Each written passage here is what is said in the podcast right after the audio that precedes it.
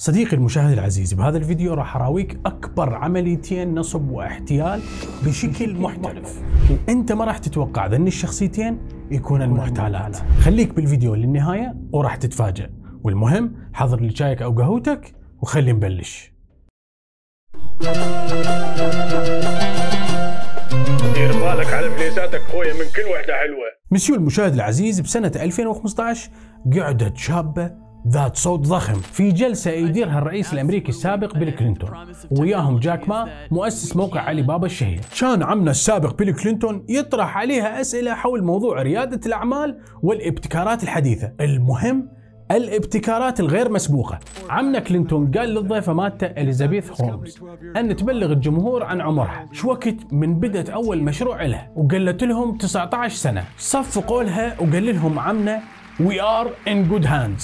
Don't worry about future. لا تقلقوا عن المستقبل، نحن في أيادي أمينة. بس الحكي بيني وبينك مسيو هو مو بس عمنا كلينتون اللي توقع نجاح هاي الشابة، لا بل الكثير من الناس رغم إنه هي عانت بالبداية بمشروعها هذا، لكن مشروعها فعلا هو عبارة عن فكرة جديدة وابتكار غير مسبوق، والحقيقة إليزابيث توصف بذكائها الحاد وحصلت على دعم مليارات الدولارات من شركات ومؤسسات وحتى أشخاص أغنياء. مثلا مثل وزير الخارجية الأمريكي الأسبق هنري كيزنجر وأيضا عملاق الإعلام روبرت ميردوخ. هاي الشابة كان يسموها بأمريكا الشابة التي ستصنع لنا المستقبل. وسمتها مجلة فوربس الشهيرة بالاقتصاد وريادة الأعمال.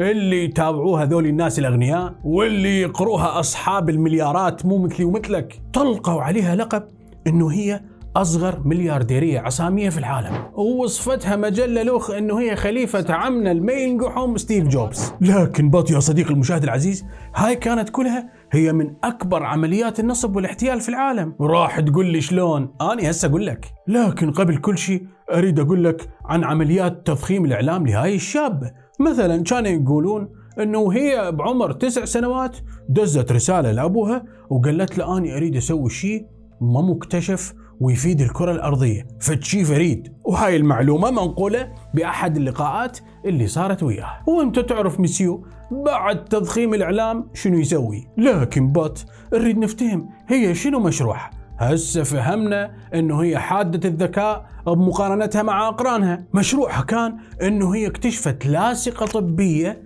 تكشف تكشف أي التهاب بجسمك وفوقاها تطلق مضادات حيوية المن مناسبة لهذا الالتهاب. وشوف صديقي هاي الفكرة من كانت طالبة تدرس الهندسة الكيميائية والحقيقة أساتذتها رفضوا هاي الفكرة. لكن but هي قررت أن تترك الدراسة وتفتح شركة خاصة بها وسمت هاي الشركة ثيرانوس من therapy و diagnosis يعني تشخيص وعلاج. راح تقول لي أنت أكيد هي ذكية وبطلت حتى تسوي اللاصقه مالتها. الإجابة لا يا حبيبي هي كانت تريد تصنع فد شيء ثوري عظيم أكبر من هذا الشيء قعدت وقالت ماذا لو تم تشخيص أمراض صعبة جدا من خلال قطرة دم واحدة؟ بس قطرة دم من دمائك العسل مسيو المشاهد. وبهالشيء راح يكون أسرع وأدق وأرخص. وقالت إيش قد راح يجوني زبائن يفحصون بهاي الطريقة؟ وأهل المختبرات راح يعزلون. فكرت وقالت إيش قد راح يجوني مرضى إيش قد راح اربح فلوس؟ لأنه هاي الشركة راح تربح إذا بها هيك تقنية. والموضوع صديقي فعلا موضوع مربح. راح تقول لي شلون راح يصير هذا الشيء؟ سهل حبيبي. راح نجيب شريحة ذكية نخلي عليها قطرة الدم وهاي الشريحة الذكية تنطينا شنو الأمراض تنطينا شنو التشخيص وإحنا على أساسها نبيع هذا المنتج. لكن بط شركة إليزابيث بعدها ما بادية بهذا المشروع وحصلت على دعم مادي كبير جدا ما يقارب 6 مليون دولار. وبعد خمس سنوات صعد وارتفع هذا الدعم إلى 90 مليون دولار. وصارت نجمة كبيرة تنافس كل المشاهير. والتقى بها كلينتون وصورها مليانة المجلات والجرايد. وبعدها ارتفعت قيمة شركتها إلى 9 مليار دولار. لكن but ميسيو ذول الناس اللي بلوشون اكتشفوها إنه هي تقلد نفس إيماءات ستيف جوبز. وين؟ بكل لقاءاتها. وعندها طريقة على إنه تقنع الطرف الآخر. وبدت الصحافة تدقق وتنبش ورا إليزابيث هولمز. وكشفوا الصحافة إنه شركتها يا عيوني ما كانت تستعمل هاي التقنية اللي قالت عليها. لا كانت تستعمل عن أجهزة موجودة بالسوق وتشخص الأمراض وتعطيها للناس. وبدت رحلتها؟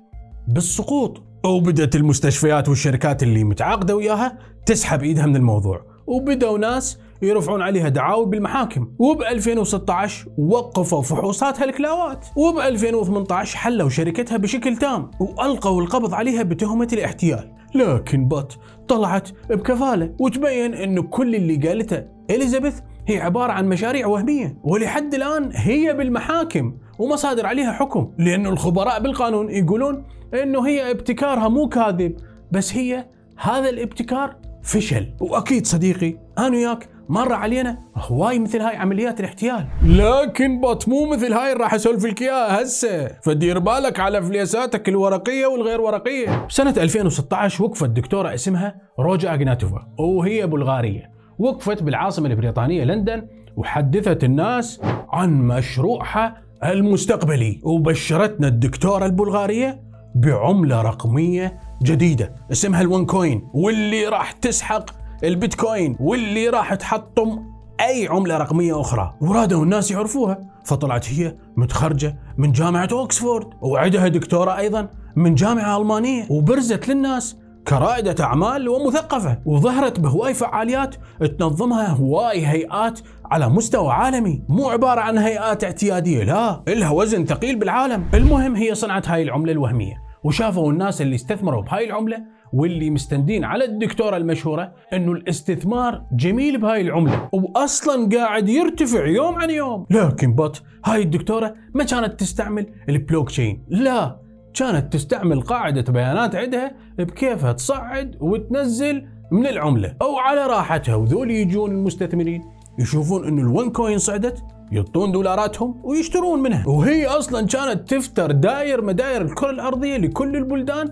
تروج لهاي العملة وتقريبا جمعت 16 مليار دولار من 165 دولة. راح تقول لي سوت بيهن كل شيء ما سوت بيهن حولت هاي الفلوس إلى عقارات ببلدها الأصلي بلغاريا واختفت. بس شوف صديقي المشاهد ذني الشخصيتين اللي اليوم حكيت لك عليهن مو بس وحدهن المحتالات لا لأنه كل عملية احتيال تحتاج طرفين الطرف الأول هو المحتال والطرف الثاني هو المحتال عليه وما ممكن تلقى طرف محتال إلا بجشع الطرف المحتال عليه.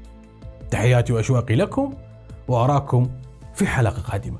أخوكم سيزر الحاتمي. هاي الأولى أم 19 سنة ما تتزوجني وتعطيني كم شدة؟